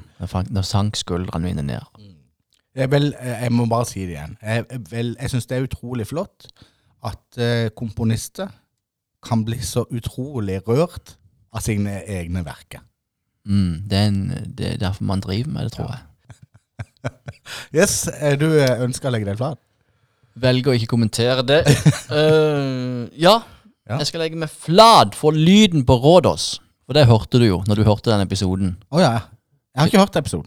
Har du ikke hørt den Nei, episoden? nei. Har du hørt noen episode? Endre Nei, Thomsen? ikke en eneste en. Det er for du sa i den ene Jo, men det er ikke min tur episoden til å legge vår meg flat. at nå Men det er nå- ikke min tur til det, nå- Du kan ikke legge meg Nå flat. skal jeg høre en første episoden i mitt liv fra Skjærgårdsbåten, for nå er jeg på ferie her nede, og da skal jeg høre gjennom en. Ja. Du gjorde det jo ikke. Du bare løgn og fanteri. Jeg ser at du skal legge deg flat, men jeg kan ikke legge meg flat for det. Nei, Det er det du bør det er tenke. Bjørn Eidsvåg sin tekst. Ja, det er det. Jeg ser at du er redd. Ja. Ja, ok! Men hva skal du legge deg flat for? Men du, som, du, som du sier da, så hørte du ikke den episoden heller. Nei? Eh, jeg håper du er klar over at jeg klipper den episoden nokså fritt. eh, Ja, ja. til min egen fordel. ja. ok. For jeg vet at ikke du hører på. Og aldri Ja. kommer til å gjøre det. Ja. Eh, du, er, du er faktisk enda til gode at du er med på noen av de episodene. Det er fantastisk. Og jeg skal- Lite det er om at du fikk eh, eh, bistand, altså sånn eh, ytelse fra Nav for å ha med her hver eneste torsdag. Til å sitte i studio. På tiltak. I din podkast. Det er derfor ikke jeg kunne være permittert lenger. Ja. Jeg tjente for mye penger på Men jeg skal, så, som den kjipe mannen jeg er, Mm. ja, som jeg sier, som den kjipe mannen som jeg er, så skal jeg tilbake. Ikke bare strømpriser, men nå er det jo matpriser òg. Og jeg følger jo litt med, Mm. eh, i motsetning til visse andre. Men du vet at vi skal legge oss flat nå? Det er Ja. den spalten vi er. Hæ? vi legger oss flat-spalten. Nei! Ja, det er det, Hva ja. har du holdt på med? Sinnaspalten? Nei, eh, hjertesak. Ja, men vi legger oss flat. jeg skjønte at vi er på vei mot noe som ikke har noe. Skjønner du, jeg- nå er jeg engasjert. Ja. Men du kan få lov til å legge deg flat hvis du for- vil. det- det forrige. Ja. Du skal legge deg flat, for lyden. Ja, takk. Lyden på Rådås. Jeg måtte skru opp Endre. For det at Endre, da, Thomsen Han hadde vi god lyd på i begynnelsen av episoden. Men plutselig, som jeg nevner også i episoden, så måtte jeg skru han ned. Fordi at det begynte å skrape i bord og stoler, mens Lindland prøvde å fortelle og gi gode råd. Så jeg skrudde jo bare Endre ned. Ja. Og når jeg skrudde opp igjen, så hadde i den perioden så hadde Endre forlatt hele ø, hotellrommet. Og gått og satt seg på en kinarestaurant. og tenkte at det var jo en god idé. Det stemmer, det. Det var jo ikke en god idé i det hele tatt. Det var jo elendig lyd etterpå. Jeg ble stressa, for jeg trodde at det var så dårlig lyd, for det var så mye betong rundt det, eh, den leiligheten. Ja, vi visste hva vi hadde, men vi visste ikke hva vi skulle få. Nei. Så på hele denne greia, når du skal snakke om, om Du skal fortelle en hjertesak eller et Ja. eller annet sinnesak, tror jeg det så må jo jeg pimpe volumet på, på din stemme. Ja. Og, det, og det høres jo ikke ut. Ja. Men du får med deg hva du sier. Men greia Men er nå, at men nå er du på vei inn i en sånn sinnaspalte igjen, fordi at du skal legge deg flat. Husk det. det. Midt inni denne rådårsgreia her, så, så har jo jeg skrudd opp lyden på Endre, men så viser det seg at jeg kommenterer jo det du sier. Okay. Og det blir jo helt insane, for jeg er jo dobbelt så høy som det er fra før av. Og det her legger jeg meg flat. ja. Her burde jeg tatt meg tid til å gå inn og ta det der når jeg kommer med noen små kommentarer innimellom, og dratt lyden ned på de. ja. Så du ble litt skrikende, Ja. og jeg tar selvkritikk. Ja, det gjør jeg. Ok. Ja. Og nå har jeg fått kjeft av meg sjøl, og så legger jeg meg helt flat og beklager til alle sammen. ok, men det var fint. Vær så god. Ja, jeg tar det til etterretning. Eh, Jeg setter pris på at du legger deg flat. Jeg tar det til etterretning. Du skal jo ikke gjøre noe med dette. Nei, men jeg syns det er dumt at det ble som det ble. Og jeg syns det er fint at du legger deg flat. At altså, tilgivelse er, er ofte greier å få en tillatelse. Og du er tilgitt. Av meg, iallfall. Ja, takk. Eh, jeg skal legge meg flat. Eh, og jeg skal legge meg flat for lovnadene eh, som jeg eh, hele tida gir i øyeblikket. Og dette henger jo litt sammen med at jeg ikke hører på disse episodene sjøl. Ja, jeg tror det. Ja, fordi at jeg har blitt minnet på nokså mange ganger, både fra du og fra mange andre, om at du, du har sagt at du skal gjøre sånn og sånn. Du skal få de og de inn i studio. Du skal få ditt og datt. Mm. Men når skjer det, liksom? Og så sier jeg ja, men det kommer, det kommer. Men jeg har jo null oversikt. Og det er jo løgn på løgn. Ja, det er det. For ofte Ja. så er det eh, lurt av og til å bare ta en sånn en for å komme seg vekk fra den konflikten. Eh, Mm. Og så en, eh, legger du på en hvit bløff da på bløffen. Ja, sant? At du bare fortsetter den, sånn at du kjapt kommer deg unna. På kort sikt så er det en veldig god løsning, faktisk. alt. Um, så jeg skal legge meg eh, flat for det, for dette uten manus, eh, som jeg ikke har. Eh, så blir det vanskelig å holde kontrollen på alle disse tingene som jeg lover. Jeg lovte jo annet at Erling Braut Haaland skulle komme i studio som gjest. Ja, ja. Eh, han er jo fremdeles ikke kommet. Du lovte å legge ut bilde av Men det er ikke vår skyld. Mm. At Erling Braut Haaland ikke er kommet som gjest, det er ikke vår skyld. Nei, nei. Det er jo strengt tatt hans skyld. Ja, men vi lovte, da. Vi må være forsiktige. Vi må heller vente Jo, jo. til det er jo allerede gjort, og så presentere det etterpå. Men nå prøver jeg å legge litt, uh, fordele litt skyld over på Ja, ja, Braut. Haaland-teamet, Ja, ja. som eh, fremdeles ikke har tatt seg tid. Det er samme som når Men du er litt der, altså. Så det er godt å legge deg flat. For du skulle jo hente alle disse tingene på kinoen òg, etter showet vårt. Og det sier du òg. Det kommer. Det kommer. ja, Det kommer. Når det ligger der i tre uker. ja, ja. Det kommer. men, det, men det kommer jo. Og jeg spurte jo skal jeg ta det. Skal jeg bare Nei gå og hente det? Og du nei. sier nei, nei, nei, dette ordner jeg. Skal ta det. Det kommer. Dette tar vi, så det ordner seg. Da må du bare ta deg sammen og legge det paddeflat. Ja da. Men nå har du gjort det. Det er det jeg har. Ja. Så, så, får det være med det. Og, og da er det greit. Ja.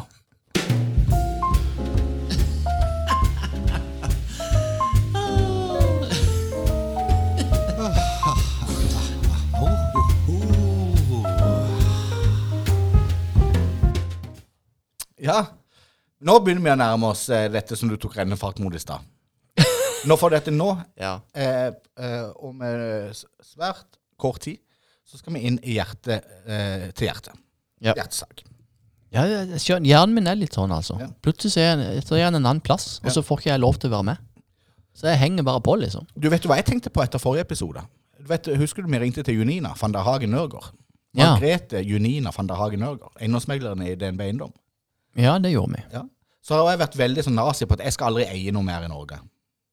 Nesten sånn eh, eh, Jeg vil ikke eie, jeg vil ikke eie noe som helst. Det er blitt en prinsippsak nå, Det er blitt liksom. litt Ja. sånn en prinsippsak, og jeg liker jo egentlig følelsen av å eie minst mulig. Men da kjente jeg på at Vet du hva jeg har gjort den siste uka? Jeg har kikka mer. Jeg har plutselig begynt å kikke på finn.no på hus og leiligheter. Og, mm, dette kommer- det har jeg aldri gjort før i hele mitt liv. Så hun eh, Nørgaard, altså, hun må ha en sånn en, uh, magisk kraft med seg. Kanskje derfor de er eiendomsmeglere. ja, det er det. Hun snik deg inn på bo nesten på boligmarkedet. Ikke helt, men nesten. Ja. Så det er så. Ja, sånn er det, vet du, Endre. Spennende, MK nei, spennende fotballtid vi er i. Eh, når dette eh, går utover lufta, dette her, så vet vi allerede resultatet. Men mens vi her nå sitter og spiller inn dette her, så er det da nei, det er fire dager til. MK spiller sin viktigste kamp på mange år. Det står mellom tredje divisjon og fjerde divisjon. Hva tror du? Ja, og da må vi hjelpe hverandre og støtte hverandre og si at eh, vi er gode nok. Ja.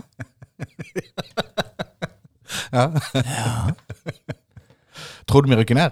Heia alle de som spiller, både taperne og vinnerne. For vi er i samme båt, alle sammen. Ja da. Ja, Apropos det der samme båt. Eh, jeg fikk en melding fra en eh, ivrig lytter. Eh, du jeg husker hun Lise fra Os? Ja, Ja. Lise. Hun sendte meg en eh, bildemelding, eh, for hun tatt bilde av et skilt ut forbi eh, Jeg lurer på om det var ut forbi en restaurant eller et eller annet sånt. Så skrev hun 'leste dette og tenkte umiddelbart på Loland'. Og dette står på, eng dette står på engelsk, men jeg skal lese det. Ja. We are not all in the same boat. We are in the same storm. Some have yachts Yachts? Yachts? Er det yachts? Ja. Some have canoes. Canoes? Canoes? Canoe. and some are droning. Oh. Just be kind and help when you can. Jeg skjønte ingenting av det. Nei. Men vi er ikke i alle samme båt. Nei, vi Det er det var... det er noen som har skrevet det, som føler at ikke de er med på laget. Ja. Og nå, nå følte jo de, de, de som har skrevet det, de føler jo at de som sier at vi er alle i samme båt, det er en eller annen sånn en fyr med silkeskjerf som står på toppen av flybridgen på yachten sin og sier 'Vi er alle i samme båt, vet du!' Ah, ah, ah, ah. Så tenker han ikke på de der nede. Det er sant.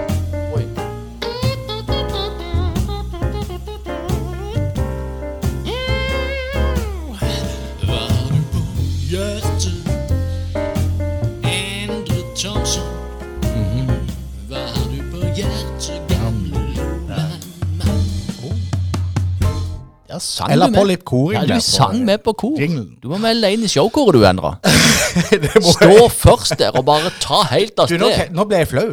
Ja, når du sa det, bare den setninga der gjorde meg flau. Jeg eh, jeg hadde lyst til å holde meg foran øynene, du vet, eh, sånn som barna. Når de bare holder seg foran øynene, så eksisterer de ikke, så er de usynlige. Og hendene endrer, og så bare holder du foran øynene, og så er du ikke der lenger. Sånn følelse fikk jeg nå. Gjorde du det? Ja, det er en merkelig følelse. Jeg får det sjelden. Det er sjelden jeg blir flau. Men bare tanken på at jeg skulle stå eh, i lag med showkoret Og det har ingenting med showkoret å gjøre. Det har med min eh, Ja, ja, jeg skjønner det. Ja. Ja. det, Men at du sto der i, i rad nummer to og gynga sammen og, og tilbake og sang du, du. Ja. Her blir det liv, rei, rei. Nei, du. Det, men vi er over i hjertespalte. Jeg har lyst til ja. Jeg har lyst til oss eh, Nå holdt jeg på å si hylle. Det ordet kan ikke jeg bruke, for da blir du rasende. Ja, det- Og da er vi rett over i Sinnaspalten igjen. Yep. Men i går så fikk jeg noen eh, bildemeldinger fra mitt kjære Kenya. Eh, hvor min svigerfar hadde tatt bilde av legeplass ved siden av en skole som jeg besøkte sammen med min sønn. Det er altså Min kone sin familie kommer fra landsbygda Ugenia, som ligger helt på grensa til Uganda. Det er en veldig primitiv eh, landsbygd. De har det helt suverent fantastisk flott. Men den lokale barneskolen hvor det går 500 elever, den besto altså av et murhus som var delt i to pga. vær og vind i 2018. Når jeg og min sønn var på besøk der. Ja. Eh, og så begynte vi et arbeid der, hvor vi samla inn litt penger. og Vi hadde bursdagsønske. Jeg hadde en niese som uh, ønska å gi alle bursdagspengene sine eh, til dette prosjektet. Og det endte opp med 67 000 kroner. De bygde en helt, helt kjøkken og en kantine. Og vi bygde fotballbane og alt mulig sånn. Og i går fikk jeg altså bilde av en legeplass. Og da ble jeg rett og slett litt rørt. For dette, da slo det meg Gud og enkelt det er å hjelpe noen andre mennesker. For hele den legeplassen ble finansiert via tomflaske i Mandal i januar. Ja. I løpet av én måned så ble det samla inn 22 000 kroner i tomflaske. Og for å sette det i en sånn verdimålestokk i forhold til kenyansk verdi, så kan du gange det med 10-12 i forhold til hva du får igjen. Så det vil si at vi kunne kjøpe legeutstyr for 250 000 kroner. ja. Det er jo heftig. Og dette er jo altså leger som de før aldri har hatt. Så her handler jo ikke om å altså Sånn som i Norge, så er det en ny legeplass. Ok, men er en ny, der var en gammel en, og så nå er det blitt en oppjustert en. Men her er det ifra ingenting til legeapparatet. Disse barna har aldri rundsa før. De har aldri sittet på ei vippe. De har aldri eh, hoppa sånn paradis. Altså, vi har bygd noe helt nytt via disse tomflaskene fra Mandal. Det er veldig Det syns jeg er helt fantastisk. interessant og godt arbeid. Ja. Og disse bildene du fikk tilsendt, de kan jo alle gå inn og se på. Det kan de. De ligger på Facebook. De ligger på Facebook-sida Pamoja. P-A-M-O-J-A. Det er liksom den sida som eh, dette, disse prosjektene tilhører. Så hvert år har vi et nytt prosjekt, og i år var det liksom legeplass som var prosjektet. Det skulle finansieres via tomflasker. Og i en vanskelig tid i forhold til strøm og alt mulig, så tror jeg folk allikevel har tenkt at ja, jeg skal ha råd til å donere disse tomflaskene. Og det kan de fortsette å gjøre. Og det skal jo ned til Kenya i februar. Og vi ønsker jo å fortsette med noe sånn gøye prosjekter. Og vi samler inn eh, tomflasker, så det er bare å ta kontakt. Kjempegod oppfordring Ja. der. Så det var min hjertesak. Veldig fin. Det var veldig fin. Takk for det. Ja. Min eh, Jeg har sånn ilandshjertesak. Ok. Ja. For alle, for det er jo med hyling og skriking at folk har det så tøft, og det er så tungt, og alt er blitt så dyrt. Men så så jeg på Debatten med Fredrik Solvang. Eh, og der sto det noen folk som uh, var veldig opptatt av dette med å spare og være nøys, nøy, uh, møysommelig. Møysommelig. Møysommelig, er det det? Eller nøysommelig. Begge deler. Eh, og da Han ene der, han var familiefar, og han med å velge ut sånne First Price-produkter, og sortere litt, og, og prioritere litt hva man spiser, så sparte han 6000 kroner i måneden. Hør på det beløpet. 6000 netto. Ja. Og ganger med 12, så blir det 72 000 Ja. I året. Og det er mye penger, det. Det er et par månedslønninger. Ei månedslønning for noen. Ja, er du gal? Det er jo og vel så det. Altså, det er jo, du skal jo tjene sett 76 000 netto. Da skal du jo tjene et par hundre tusen nesten eh, i året. Brutto. For å få, for å få de pengene. Ja. Så det, bare, det var bare det som var hjertesaken. At hvis du er litt bevisst når du går og handler, og ikke går og handler så ofte, så kan du spare Det er ikke bare litt du sparer. Du kan ikke bare si sånn Nei, vi tar med den, det er jo bare 30 kroner. Nei. Det er det mye i en familie, og er du strukturert, så sparer du 6000 i måneden. Ja. Så uh, slutt å syte, ta deg sammen, lag en plan. Ja. Har du hørt om det? For nå har vi levd i Norge i, i mange, mange år jeg har hørt om det? Nå går du til angrep på meg. Er det snakk til lytterne nå? eller? Snakker ikke til du? Å nei, for Hvorfor tror du alltid at jeg snakker om du? Vi snakker jo ut til folket. Å, herre mann, så slitsomt. Må snart få hodet ut av de egen ræv. Nei, altså, legg en plan. Ja.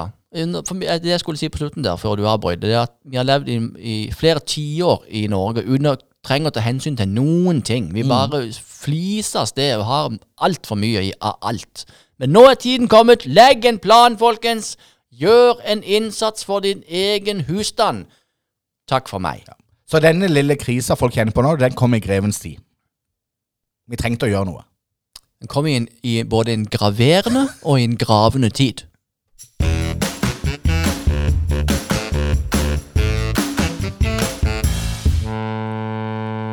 Den graverende greven kom i grevens tid. Ja, Den er dyp. Det har vært en graverende sending. Det er absolutt. Ja. Og en gravende sending. Ja. Vi har vært gjennom mye. Vi har gått ifra eh, Rikard Fransen til sinnaspalte til legge seg flat og hjertesag og gud vet hva. Historie. Det har vært. Ja, ja, ja. Jeg har jo glemt hele hummerfisket midt oppi dette. Og det koker jo ut på fjorden. Ja, gjør det. Koker du på Det koker Jeg har ikke vært der, men altså, det er jo, folk er jo på Facebook og smeller ut bilder av den ene hummeren etter den andre. Har du drevet noe med hor? Jeg har aldri dratt opp en hummer i hele mitt liv. Jeg har heller ikke smakt hummer. Har du ikke? Ikke heller. Ikke sånn der, Jeg har smakt hummer i sånn hummersalat-type, hummersuppe. Og hummerhale. Jeg, har- jeg har aldri hatt en hummer foran meg på bordet som er skjært i to og, og knust klørne og et den. Aldri Nei. skjedd! Jeg har aldri gjort det, og nå kommer jeg med en tilståelse. For dette, det gjør meg jo litt flau, bare tanken. For veldig ofte så sier jeg, ja, det er hummer, det der er havets kardinal og sånn. Det er jo himla godt og sånn. Og, og så kan jeg, så sier jeg, hver gang så sier jeg jeg liker bedre kreps. Men jeg har aldri smakt hummer. Men hver gang så sier jeg på så autosvar jeg liker bedre kreps. Sjøkreps. Bare for å komme unna at du Og det de her der- krepsene på danskebåten, de er helt magiske, altså. Ja, ja, det er det jo. Nydelig. Men jeg skjønner hvorfor du sier det, for det er jo for å avvæpne Ja, ja. spørsmålet. Har du smakt hummerendra? Nei, for jeg Da har, må du si nei. Nei, og Og det det er tør du ikke si, for du er mandalitt. det er jo litt flaut å være mandalitt. Ja, det er jo Ikke det. sant? Å være bestevenn med Atle Lund Christensen, og så har jeg aldri smakt hummer. Ja, ja. Men det må han ta litt på sidekappet òg, hvis han har hummer, hummer og ikke har invitert det. Ja, eller hvis han er bestevenn. Ja? Som bestevenn. Men det hadde jo vært himla gøy å ha en sånn en byvandring hvor vi og det setter oss ned med et bord med hver sin hummer. Og aner ikke hvor vi skal begynne. Angrip. Du vet hva, jeg fikk nesten panikk på folks vegne, for det, jeg så på Facebook her om dagen. Eh, Det var noen som hadde skrevet 'tusen takk for invitasjonen', og så, og så var det bilde av et middagsbord med fire tallerkener, og så lå det én hummer på hver tallerken med fullt påkledd i skall. Fullt påkledd. Og så tenkte jeg med meg sjøl, hvis jeg hadde sittet med det bordet, hvordan i all verden skulle jeg angripe denne saken her? Du måtte ha sittet der, for du vil late som at du har spist det før. Vet du. Bare bli sittende og prate om hummeren, åssen de gjorde det før, og åssen du gjør det når du har kreps. Og. Til slutt så «Nei, Jeg har vondt i maven, jeg må hjem. uh, tusen takk for at dere har lytt- lytta til ukens uh, sending. I mitt hode så er denne sendinga bare rør. Men jeg, jeg tror det blir bra. Jeg håper det. Jeg er helt sikker på det blir bra. Jeg har iallfall kost meg. Det har jeg òg. Rett og slett. Kost meg i ditt selskap, unge, unge lovende Thomsen. Tusen takk i like måte, gamle Lolandmann.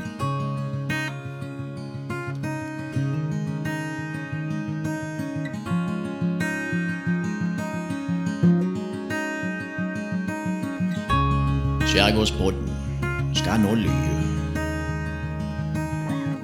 Så jo da, ja vel. Det var sånn det ble. For Loland lurer på så mye. Og Endre Thomsen viser vei. Så ja da, jo da, men alliavel. Nei da, så Nei, vi må, vi må labbe hjem nå, for vi skal ete. Men neste gang skal vi ha alt på stell. Og vi håper du ønsker å være til stede.